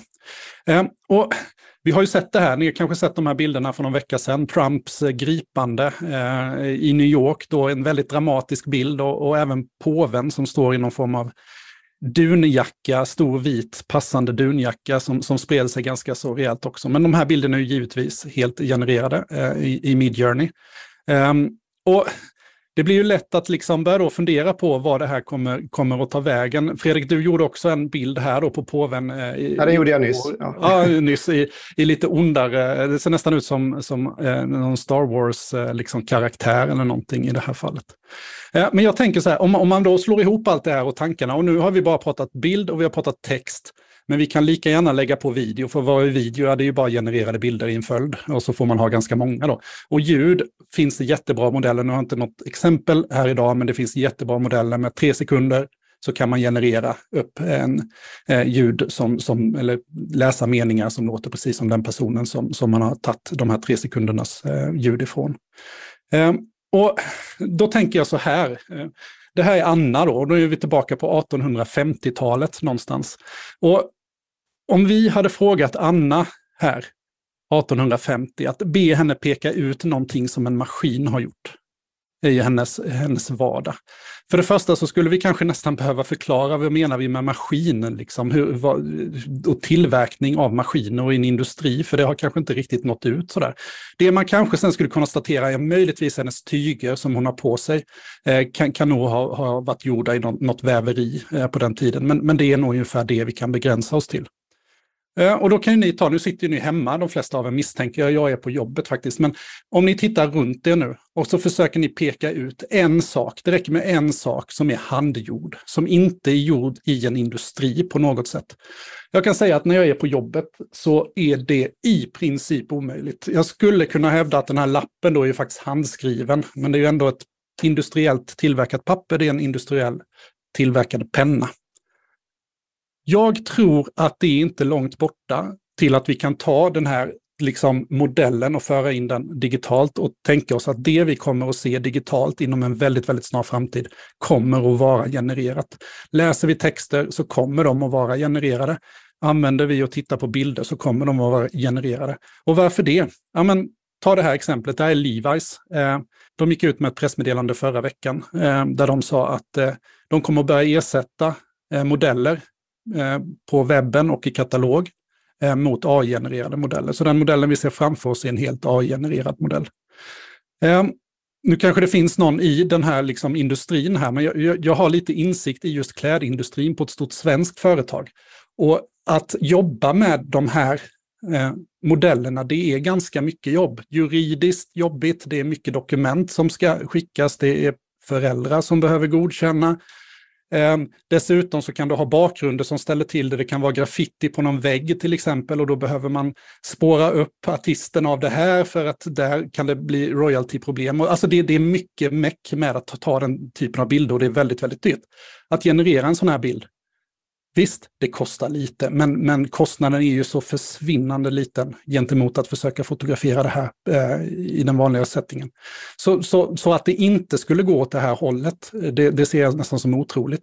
Eh, helt enkelt för att kostnaden kommer att driva detta. Eh, det här är också en av de sakerna som, som Max Tegmark, en av eh, våra större forskare inom AI, har, har varit väldigt rädd för eh, nu då senaste tiden att, att det här kommer att inträffa. Och är en av de här anledningarna som ligger till grund till det här brevet som kom från Life Institute eh, för någon vecka sedan om att man vill pausa den här utvecklingen nu sex månader och bara liksom känna in, få, få regulatoriska ramverk på plats för hur det här ska hanteras, vad får man göra, vad får man inte göra? Och så vidare. Eh, men just det här tror jag är, är någonting vi kommer att se väldigt, väldigt mycket, väldigt väldigt snart, just det, de genererade bilderna, ljudet. Och sen kommer ju alla faror med detta såklart, och det kan vi diskutera hur länge som helst, hur nu, vi har sett i USA eh, exempel på att, att eh, äldre har blivit uppringda eh, och i andra sidan på telefonen, ett okänt nummer, så, så är det då sonen eller dottern som, som pratar och eh, säger att eh, hon är i Thailand och ja, det har strulat lite med hotellet om, om det går att skicka över lite pengar för jag behövde byta telefonnummer och sådär. Och det är klart, det, när man hör att det är en dotter som är på andra sidan, då blir man ju eh, nog ganska benägen att, att vara hjälpsam. Men här behöver vi börja se upp. Nu kanske det dröjer några månader, något år innan det där kommer att börja hända i Sverige då, eftersom eh, det är ofta det amerikanska eller engelska språket som går före. Men vi måste börja vara uppmärksamma på det. Och det går ju lätt att tänka också, vad kommer att hända här nu nästa år med valet i USA, eh, desinformation kopplat till det, det kommer ju bli en jätte, jätte pusselbit, eller en jättesvår nöt att knäcka helt enkelt och, och hänga med. Um, så uh, ja, det här är någonting att, att hålla, hålla koll på helt enkelt. Um, om vi ska skrämma upp er ännu mer då, Fredrik. Du, du har ju, ja, alltså, om vi ska men... prata något som är nästan dagsaktuellt här, så, så har det börjat pratas väldigt mycket om eh, just den här möjligheten nu att, att börja kombinera de här modellerna eh, på lite olika sätt. Eh, vill du visa det, Fredrik? Eller? Ja, men det kan jag göra. Ehm, eh, jag kan ju bara förklara lite vad jag ska göra då. Jag kommer dela en, en terminal här nu. Så nu ser ni alla en, ehm, ja, en, ehm, eh, en terminal. Och det, ja, det avslöjar lite grann, vad den ligger på en Microsoft Azure-server här nu, så inte på min egen dator. Eh, och jag kommer köra ett Python-skript. Eh, så om vi har några utvecklare här så vet ni ungefär vad jag gör. Och det är inte så avancerat, det är bara att hämta hem det här GitHub-repositoriet och följa instruktionerna. Så även om det ser hackigt ut för er som inte är vana att se sånt här så är det verkligen inte så krångligt. Men jag kommer köra ett skript här nu. Eh, ett program helt enkelt. Och då frågar han här, would you like to return to being get rich AI? Jag lekte lite med den här inne. Jag tar continue no. Och sen så får ni hjälpa mig här nu med detta, för nu ska vi skapa en autonom bot här. Eh, och vad är, det, vad är det vi, när vi pratar om ehm, eh, eh, när vi pratar om den här ChatGPT så var vi alla överens om att vi kunde gå in och skriva saker i ett webbläsarfönster. Eh, och nu har vi inte nämnt ordet API ännu. Men vad är ett API? Det är ett Application Program Interface. Där istället för att en människa pratar med ett program så låter vi ett program prata med ett program. Johan, du får rätta mig om jag Ja, nej, men det är en bra, bra grej. Eh, och eh, med hjälp av de här API så kan vi alltså bygga program som använder den här AI-tjänsten utan att vi behöver skriva in då. Eh, och då kan man ju tänka sig att ja, men vi skulle ju kunna automatisera ganska mycket. Jan skulle ju kunna ha en bot som svarar på alla hans frågor på forumet och är online 24-7 här nu och vars enda mål är att maximera profit för Rika Tillsammans. Så vi kan väl bygga en sån bot, eller vad säger vi? Vad ska vi kalla botten? Eh, vad, vad, heter ditt alter ego, Jan? Ja, gud, jag vet. Kör Rika Tillsammans-botten. Det blir väl jättebra. Eh, ja, vi, vi kör något sånt där då. Eh, inte så fantasifullt nu. Men, eh, Rika Tillsammans-botten here. I am at your service här nu då. Eh, och nu då ska vi, vad, vad, är det rollen? Vad ska den här göra då? Vi kan ju faktiskt skriva på svenska här, det kommer fungera bra, men det, eh, vi kan ju... Ja, vad ska den göra? Svara på privatekonomiska frågor. Och då skriver vi faktiskt Fredrik på svenska. Du ska svara på privatekonomiska frågor. Vad ska det vara? Vad ska de vara för typ av bot? Liksom? Ska den vara snäll, elak eller lite vitsig? Eller? Eh, eh, det, ska, det ska vara enkelt och tillgängligt. Det ska vara enkelt och tillgängligt. Eh, nu kommer inte den här, du kan bara säga att det, det kommer, ju, kommer falla lite grann här nu för att den kommer inte kunna gå in och registrera ett konto på ditt. Det får vi Nej. se, det kanske vi... ja, vi har inte testat. Så det vet vi har inte testat. Men jag, jag, jag, jag har gett den här ett mål nu då, liksom. och, eller jag har gett den en övergripande roll nu och nu kan jag sätta upp till fem goals. Så nu pratar vi om alltså, vad vill jag den här botten ska ha för mål? För jag kan ju säga då att du ska, vad ska den göra? Vad ska den här botten göra? Den kommer liksom, vi kan ha ett enda mål. Eh, och vi skulle ju kunna skriva nu då att eh, öka antalet lyssnare på Rika Tillsammans. Det skulle kunna vara ett mål. Den kan ju ja. fortfarande vara en snäll.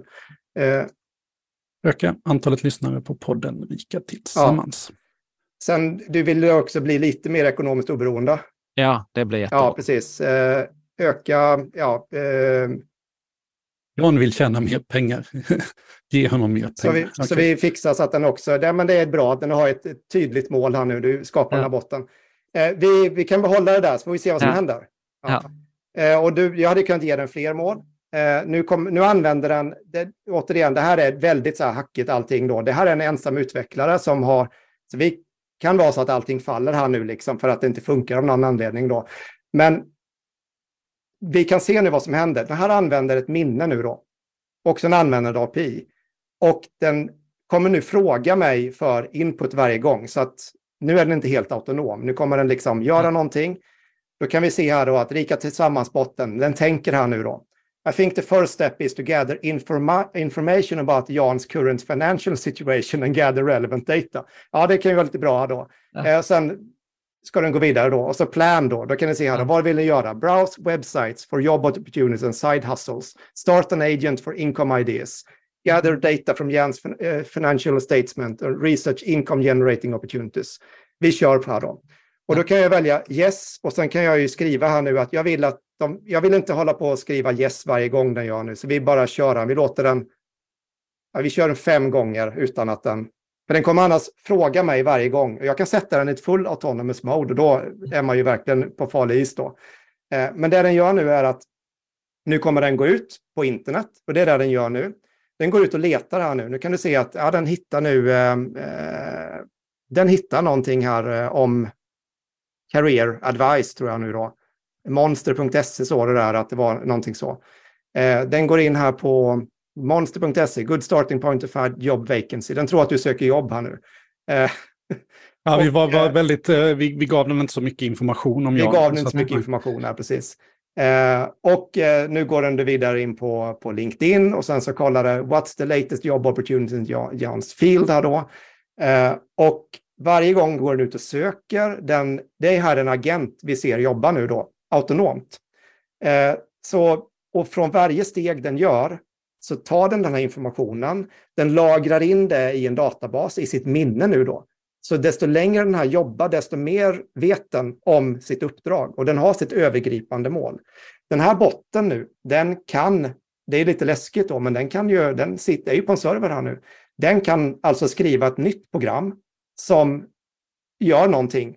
Alltså, det har vi sett innan när vi har kört den här, att den, ja, men jag behöver ha någon som hjälper mig att söka efter information. Då skriver den ett nytt program som går ut och gör det parallellt och ger information tillbaka till den här botten. Så den är liksom duktig nog att delegera uppgifter och skapa kloner av sig själv. Då. Så nu är vi inne på det här att ja, men nu börjar vi närma oss någonting där det börjar bli lite läskigt. Ja, jag har lite dålig känsla i magen Och nu, nu är det så här, man får ta det för vad det är. Liksom. Det är ja. klart att den här är ju, den är ju lite hackig. Den ja. har inte världens bästa liksom, kontroll på vad den ska söka på. Den kommer försöka sig fram här nu och till slut kommer den till, till någonting. Vi får se vad som händer. Eh, och eh, eh den kommer den in på Avanza här nu och, och, ser och försöker söka information där. Och, eh, försöker hitta information om dig på Avanza här nu och, och så vidare. Och den vet nog inte om att du söker att du har en blogg. Jag tror vi har gett den för lite information kanske. Ja. Eh, men, en, men, den... men ändå, alltså om man bara tänker på så att detta är utkastet på en ja. agent. Alltså var kommer detta vara om ett år? Mm. Ja, detta är ju som sagt en ensam utvecklare som, som har knackat ihop på, på, på några veckor. Så att det här är ju liksom Um, det, det, visar på något sätt på, på liksom tangentens riktning här hur fort det går nu. Det går så galet fort. Um, och, och, och, nästan varje dag nu så kommer det liksom nya, nya produkter, nya... Det, det, det är på något sätt som att internet dök upp eh, i allas ficka och eh, inte, inte så som det såg ut 90, 93, 94, utan så som det såg ut 2012. Liksom. Så att alla är bara på det här nu och försöker mm hitta. Och jag menar, vi har inte sett, sett någonting kring det här ännu. Det kommer komma. Nej. Och nu gav jag den lite human feedback här nu, för det har jag en möjlighet att göra då. Då hjälpte jag den lite på traven och jag skrev att ja, men du är ändå host för Rika Tillsammans här nu då. Och då, eh, eh, då ser den ut som att den ändå har fått någonting på spåren här nu då och, och så. Eh, så att det vi kan se här är också att nu ser vi här att Google command, search returned, unknown command och så. Ja. Det kan vara lite små grejer. Vi har sett det lite små grejer som kan bli lite tokigt och så då. Men, men, uh, men förlåt om jag bara pausar dig. Om man bara mm. läser om dess plan så ja. är ju planen precis det som jag själv hade gjort. Ja. Alltså så här, vad är demografin? Vad är intresset? Hur lyssnar man? Jag generate marketing strategies based on audio. Det, detta är ju det jag gör på jobbet. Mm. Och detta, blir, detta är ju jobbigt om det är någon som gör det åt. det, och det häftiga är, det, det, återigen, den fungerar ju. Vi har ju testat lite grann. Nu ser det ut som att Google, eh, eh, den har svårt att googla just nu. Någonting har hänt där. Men eh, det häftiga här är ju att det går ju, även om den här, man kan tycka att den är lite långsam här nu liksom. Men det spelar ju ingen roll om du kan sätta igång den här, du kan ge den ett uppdrag. Att ja, men jag vill ha due diligence på eh, det här företaget som jag nu vill investera i. Då skulle du kunna bygga en liten agent som du ger i uppdrag att jag vill ha en marknadsanalys liksom, på det här företaget. go! Och sen 12 timmar senare, medan du har legat och sovit, så har du en rapport. Den har gjort, den har liksom, den har gjort allting som du hade kunnat suttit och gjort genom att googla i 12 timmar. Och den bara dundrar på. Och målet är då liksom att kanske hitta några, vad det nu kan vara, eh, man vill hitta då. Eh, så det går ju att hitta på rätt mycket grejer. Eh, och det häftiga med den här typen av eh, saker är att vi kommer nog få se väldigt mycket av det här. Och vi pratade om det i ett... Eh, vi pratade faktiskt om det i ett podcastavsnitt för ganska länge sedan, Johan. När vi, jag tror vi döpte det till Lobsters, eller vad var det? Eh, mm. Men just att en teknik som vi, jag tror att vi kommer se, och nu, nu, nu spånar vi lite grann då, men vad blir det för implikationer av den här typen av teknik? Det som ni har sett som är en väldigt, väldigt tidig, inte så välfungerande, men väldigt läskig eh, sak. Eh, jo, sökning blir ju en annan grej. Jag kommer ju istället för att söka någonting, om jag vill köpa en ny tv nu, då kanske jag lägger research, jag går in på prisjakt så här. Nej, istället så kommer jag ge detta till en agent som kommer, egentligen vill jag ju att den här tvn ska komma hem till dörren då. Och jag vill ju verkligen vara säker på att jag får den där billigaste, bästa tvn med alla funktioner eller vad det nu kan vara jag är ute efter. Jag ger någon annan ett uppdrag att, att lösa det. Och det blir en annan typ av, ja, en annan typ av eh, sökning och det kan ju vara allting. Jag skulle kunna ge agenten i uppdrag att, eh, varför inte, skriva en bästsäljande bok. Eh, återkommer du klar. Eh, ja, det vore ju lite spännande att se. Om det kommer säkert det... fungera jättebra ja. och, med tanke på att den har läst in sig på så mycket böcker. Du kommer mm. få en ganska, troligtvis kommer du få en ganska generisk deckare, men, men jag menar ja. det säljs mycket av dem så att eh, det kan man... Men, men hur, alltså så här, du vet, det, det för mig blir detta så här lite mindblowing. Alltså så här, vad, så här, vi som är liksom så här, en vanlig person, alltså så här, hur ska man förhålla sig till detta nu? Alltså, alltså för, för mig blir det så här, jag tänker och sen bara, så här, mentalt ja, men, nästan orkar inte. Så här, det är jag... det som är den stora risken tror jag. För jag tror att det är där många, liksom, du vet så här, nej, jag orkar inte med något nytt liksom. Jag, jag, bara, jag kör på som vanligt. Men jag tror att, att det är jätteviktigt att, att, att bara man behöver inte gå så här liksom all in nu som, som den här liksom och sätta upp agenter och, och, och sådär. Utan bara börja liksom testa bara för att det är kul. Så här, ah, vad ska vi titta på för film ikväll? Börja, börja chatta med den bara för att se, liksom, för då kommer den kanske fråga, ah, men vad, vad, vad brukar ni titta på? Liksom, ah, men, och så kan man liksom börja resonera, bara för att få in den här för det är viktigt, tror jag, att man, lite som när internet kom återigen, liksom, att, att, att, att bara vara med och, och, och, i alla fall hänga med och förstå vad det innebär. För det här kommer ju gå på, på några år nu jätte, jättefort, till skillnad från internet som liksom vi ändå han växa in i. Och det, det är ju det som är risken och det är därför de pratar om att pausa också, att, att, att, att allting händer så himla fort. Så, mm. och, men gör något, försök göra det lust, lust, lustfullt. Jag, jag, som, jag menar, jag kan inte rita. Jag kan rita på en streckgubbe på, på sin höjd liksom. Och helt plötsligt nu med Midjourney då, som ett jätteenkelt verktyg, så kan jag bara berätta vad jag vill ha för bild och så får jag den bilden. Det kan vara grafik, det kan vara logotyper, det kan vara webbsided layouter, det kan vara precis vad som helst som går att beskriva med en bild. Och så, så man får försöka se det lite lustfyllt liksom och göra det för att man tycker det är kul. Eh. Men, men alltså, går det också mot alltså, att det handlar om att vi ska bli bättre beställare snarare än bättre tillverkare? Alltså att det ska vara så att jag ska vara duktig på, egentligen på att handleda och, alltså förstår ni vad jag menar? Mm, mm. Att, att, att till exempel ikväll så testade jag så här, jag skulle ha kod. Så skrev istället för att skriva koden så skrev jag till ChatGPT så här, skriv denna koden med de här tio villkoren. Jag sen, sen bara spottade jag den ute. Mm. Innan, för liksom ett halvår sedan, hade jag suttit och kodat det där själv. Och jag menar så att shit, det, det handlar nog för mig att bli en bättre instruktör, säga vad jag vill ha, än bli en bättre programmerare. Mm. Förstår ni vad jag menar? Ja, och, och det, det, är en jättesvår diskussion för då, då, då, då, kommer man ju lätt i det där, ja men då kanske man inte behöver kunna programmera för att den löser det själv. Men samtidigt, i alla fall som verktygen ser ut nu, så behöver man ändå som beställare vara ganska insatt för att veta ja. att man får en produkt som fungerar. Eh, mm. så, att, så att det tar ändå inte bort den biten, men det förändrar, precis som du säger, mot, mot beställningsjobbet. Och det, det pratas ju jättemycket om det här med prompt engineering, nu har det blivit ett modord och det handlar ju helt enkelt om just att, att, att hur ska man skriva sina prompter, hur ska man utforma det där. Men det är väl också något som många tror kommer att och försvinna. Tittar vi i en tidig version av Midjourney, det här verktyget för att generera bilder, då behövde man vara ganska specifik i liksom hur, man, hur man satte upp prompten för att få bra resultat. Men i den nya versionen så räcker det att bara beskriva på, på engelska än så länge då, hur det ser ut. Hur, hur, hur, hur, ska man tänka till exempel, eh, eller vi kan ta några frågor här eh, från eh, ja. Fabian frågar, hur stort hopp är GPT, hur, hopp. Hur stort hopp är GPT-bottarna mot exempelvis Industri 5.0 där datainformation är bränslet? Ja, till vad, vad söker man på? Jag förstår nu inte frågan Fabian.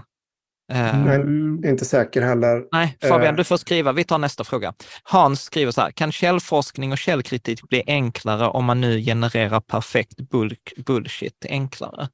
Alltså, he, ja.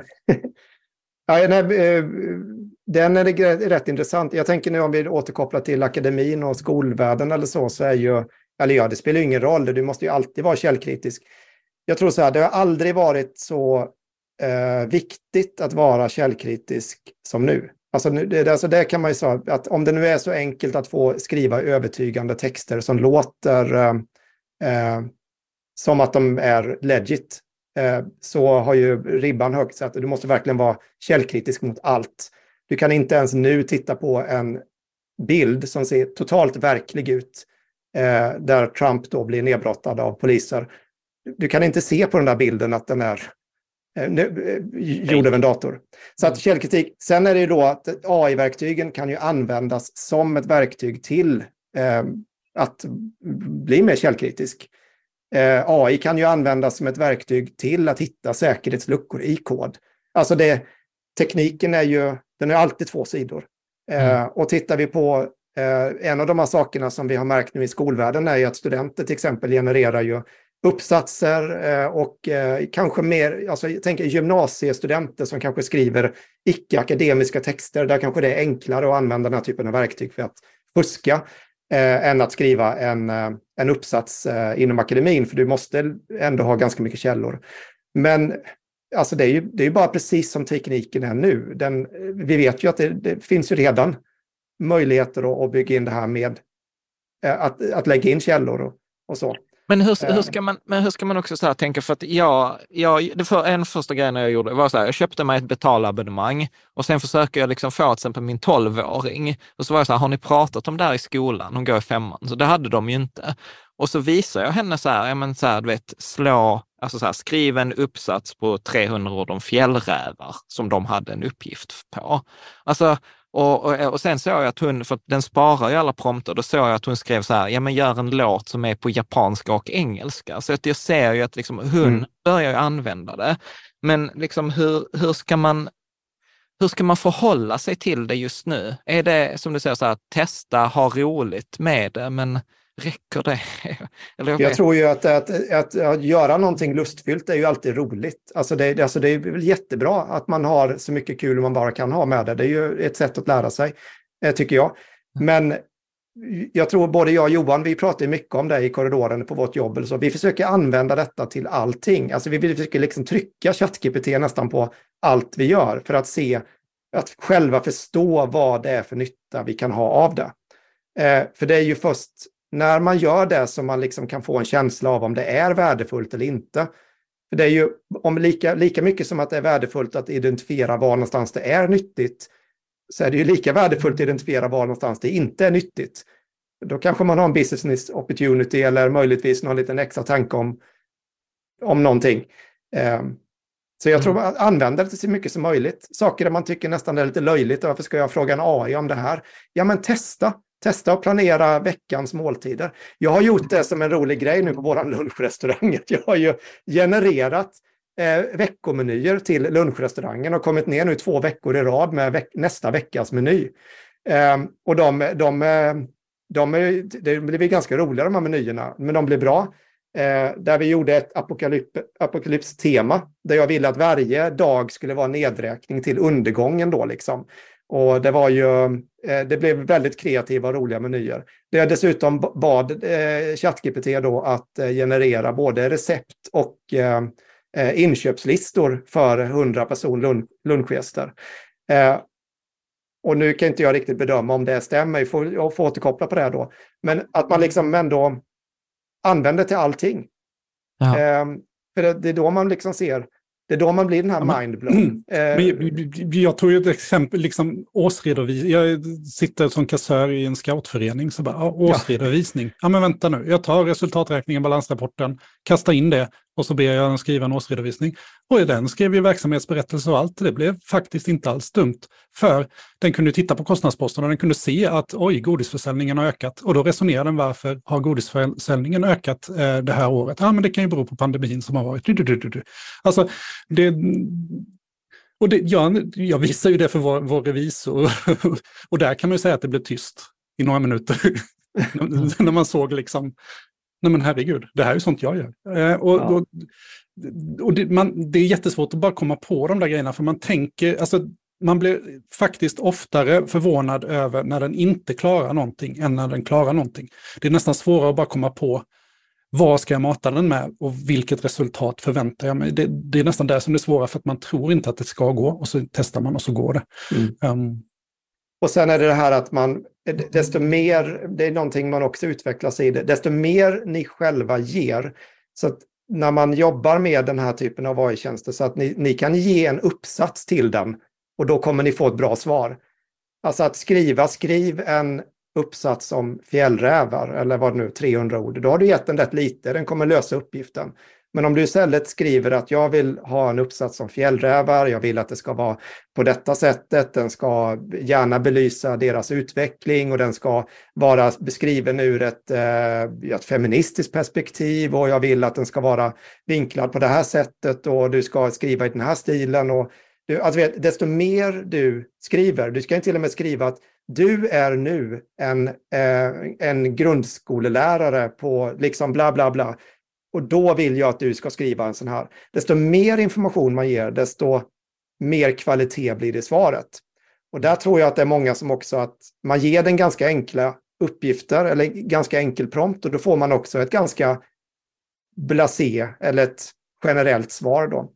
Eh, och där tror jag vi, om vi tittar på Midjourney, de här bilderna då, att de som gör riktigt snygg konst med AI, för det, fick, det är ju fantastiskt vackra bilder många gör. Det har inte kommit av att de skriver I want a nice picture of och så vidare. Mm. De har ju suttit och jobbat kanske med hundra stycken olika generationer av den här bilden och precis som jag sa, knådat den här degen ända tills de kommer fram till den här bilden. Och man ser man texten på samma sätt, att det här är någonting som knådas fram, eh, då blir det en konstform i, nästan i ett användande av att faktiskt knåda fram den här texten. Eh, och då behöver man använda den förstås då. Mm. Bland annat genom att göra dikter och sånger, för det är väl ett, ett steg i det hela Mm. också. Bra, jag ska se om det var någon annan fråga. Hur stor vits är det för en, för en ung person att utbilda sig programmerare? Alltså, jag skulle nästan, jag skulle nästan omformulera den frågan. Alltså, så här, hur stor vits skulle jag säga, så här, är det att utbilda sig till författare eller till programmerare eller till konstnär? Alltså, så här, du vet, jag, innan detta så tänkte jag ju inte så att modeller skulle bli drabbade av, av AI. Alltså, är det, är det, ska man vara lite nihilistisk? Nej, det är inte lönt. Hur? Nej, det hoppas jag verkligen inte. Jag, jag tänker så här, eh, eh, Johan, där, att eh, jag, tror, jag är helt övertygad om att programmerare som yrke, eller det, alltså, jag är på den positiva sidan här. Jag tror att det här kommer generera mer jobb. Precis som industrialiseringen genererade väldigt, väldigt mycket så, så kommer det här och, och på samma sätt.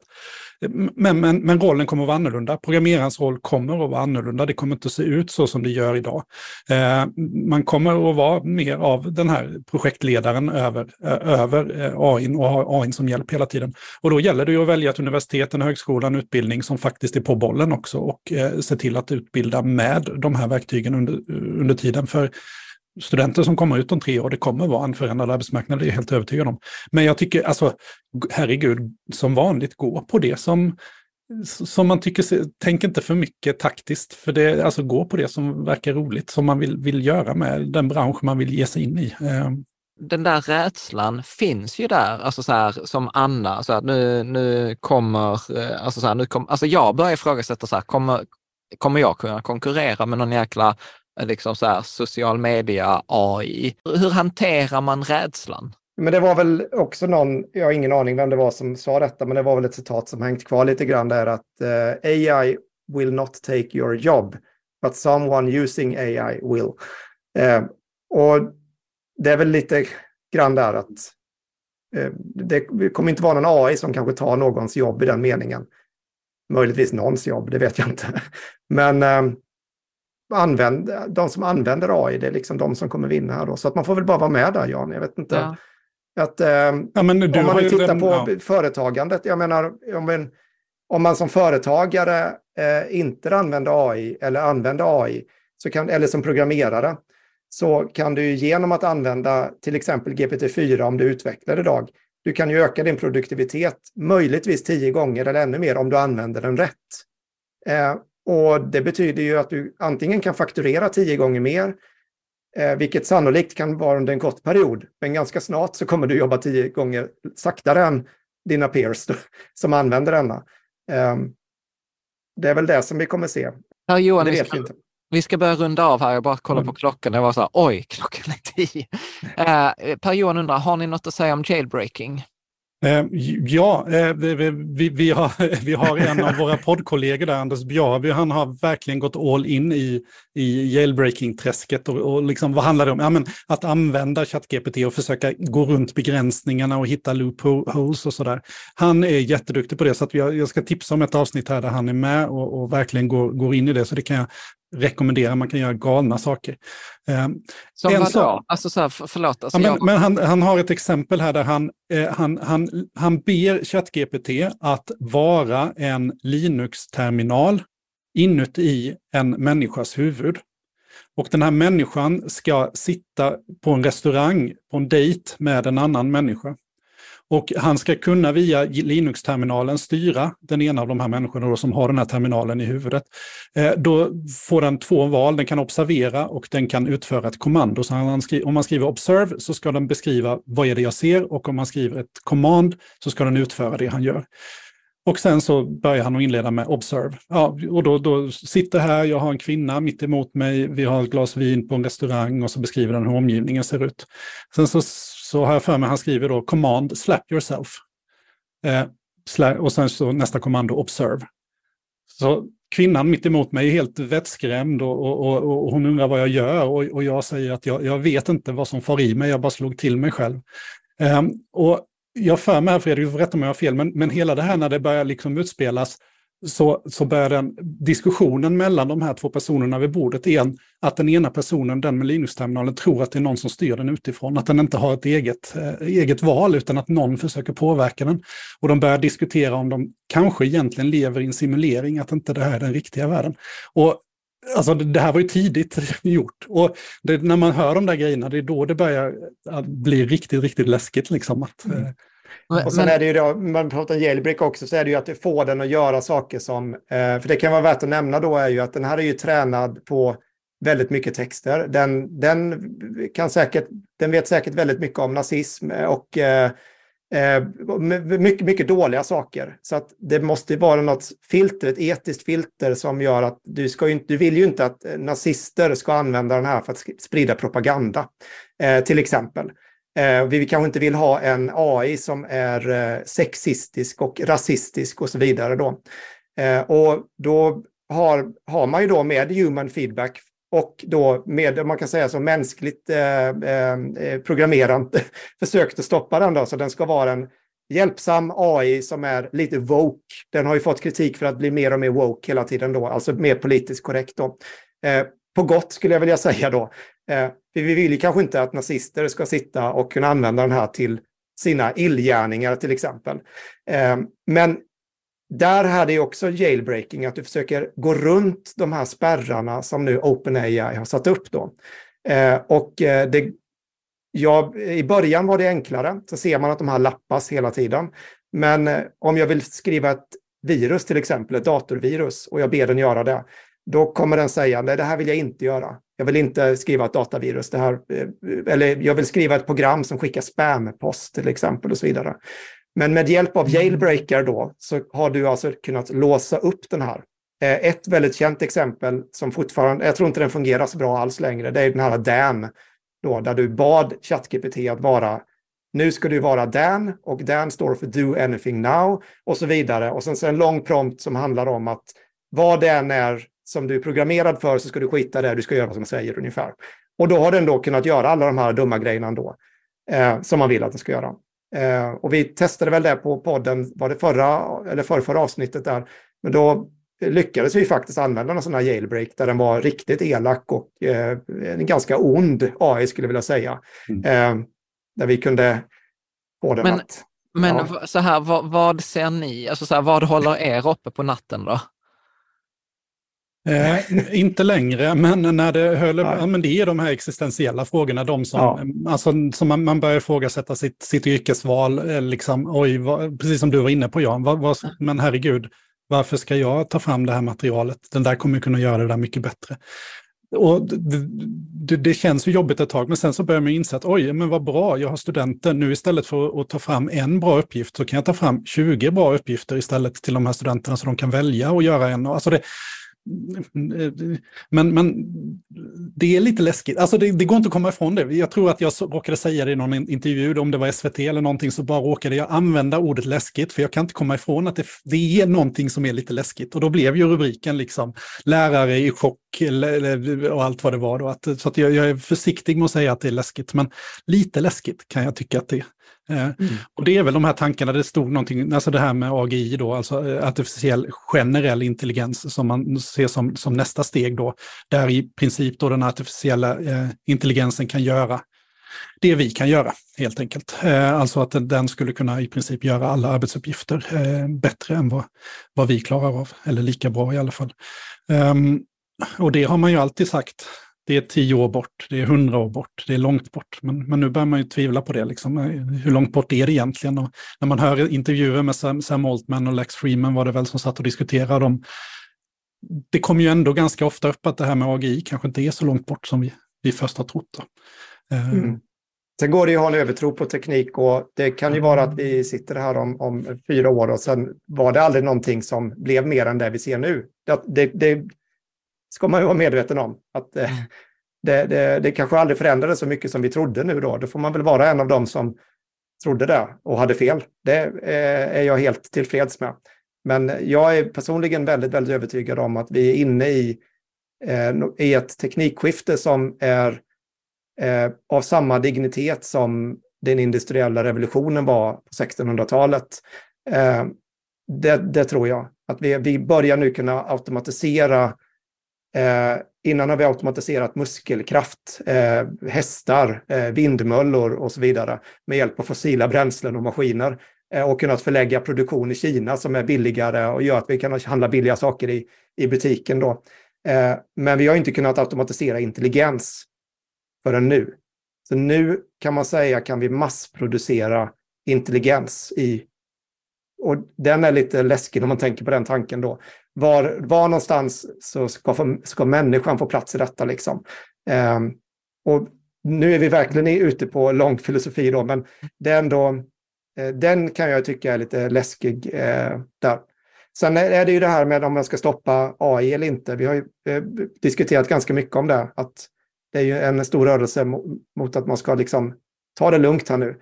Det kanske vi borde göra. Men jag, jag är, pragmatiker och jag tror inte att det kommer funka, utan jag tror att vi kommer få bara hänga med vare sig vi vill eller inte. Och eh, sen tror jag det bästa sättet att eh, leva ett gott liv och eh, vad, det är att man har en, försöker hålla en positiv grundsyn på tillvaron och, eh, och ta det därefter. Så mm. min uppfattning är liksom att se det här som en, ett verktyg, en, en kompis.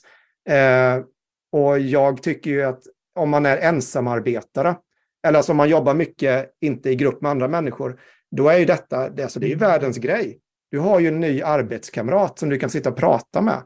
Eh, och jag själv, jag vet inte om du nämnde det Johan där innan, men när man, när man börjar använda den här ChatGPT, jag säger tack, jag säger hej. Och det, det kommer ganska naturligt att man, man är trevlig mot den här AIn.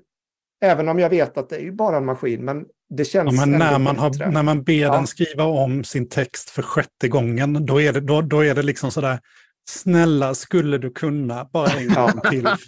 alltså det, det är jättekonstigt, men det går rätt fort till det. Ja. Ja men snyggt, vet vi ska runda av. Johan får sista frågan här. Tror ni att Kina och Ryssland hakar på om det blir ett moratorium? Eh, nej, men eh, Tegmark fick den frågan faktiskt på presskonferensen när de presenterade det här då. Och han, eh, hans vy på det var att det spelar ingen roll för Kina och, och Ryssland är så långt efter enligt hans eh, eh utsagor då. Så att, eh, eh, och ehm, det här med pausen eh, ser han väl som, alltså i Kina så handlar det väldigt, väldigt mycket om kontroll. Eh, och det är egentligen det man vill med den här pausen, att, att liksom se till att, att det finns en viss kontroll, att myndigheter kommer ifatt, att vi får regulatoriska ramverk som, som kan stödja det här. Och det, där har aldrig Kina haft, eh, alltså de har ju alltid varit väldigt, väldigt tuffa med att, att eh, se till att ha den där kontrollen. Så han trodde inte att den biten skulle vara något problem i det här med en paus i alla fall. Men det, då är det han som har lagt fram förslaget också om en paus. Ja men grymt hörni. Du, stort tack. Det var länge sedan tiden gick så här fort och det är så här lika delar lika delar eh, förtjusning, att jag är som litet barn som är så här, tänk att man får vara med om detta. Detta är förmodligen någonting man kommer att prata om i, i framtiden och samtidigt precis lite läskigt. så här, vad, vad ska jag göra med detta? Hur påverkar detta mitt liv? Hur påverkar detta människor jag tycker om? Hur påverkar detta företag och sånt? Men sjukt spännande. Ja, men målet är ju lite att ni ska må lite dåligt också. alltså, på något sätt hade vi kommit här och haft massa svar, alltså vi har ju inga ja. svar, det är väl ingen som har svar, men, men, ja. men, men bara att, liksom att man har blivit uppmärksammad, vi får ta att vi mår dåligt några dagar innan vi kommer över, liksom, eh, för ja. jag tror att, att eh, vinsten finns på andra sidan. Ja. Mm. ja, men ett fantastiskt stort tack. Som eh, Per-Johan skriver, del två snart, tack för inspirerande dragning. Jag vet, och som Oleg skriver så här, texten är skriven av ChatGPT men granskad av mig. Underbar dragning. Alltså stort tack eh, och tack för att ni håller den här flaggan och jag vet vad jag ska lyssna på imorgon eh, på era poddavsnitt. Så att, stort tack, ha en trevlig kväll och tack till dig som också har lyssnat bara här ikväll. Tack så jättemycket. Tack så, tack mycket. så mycket. Tack så mycket Johan och Fredrik.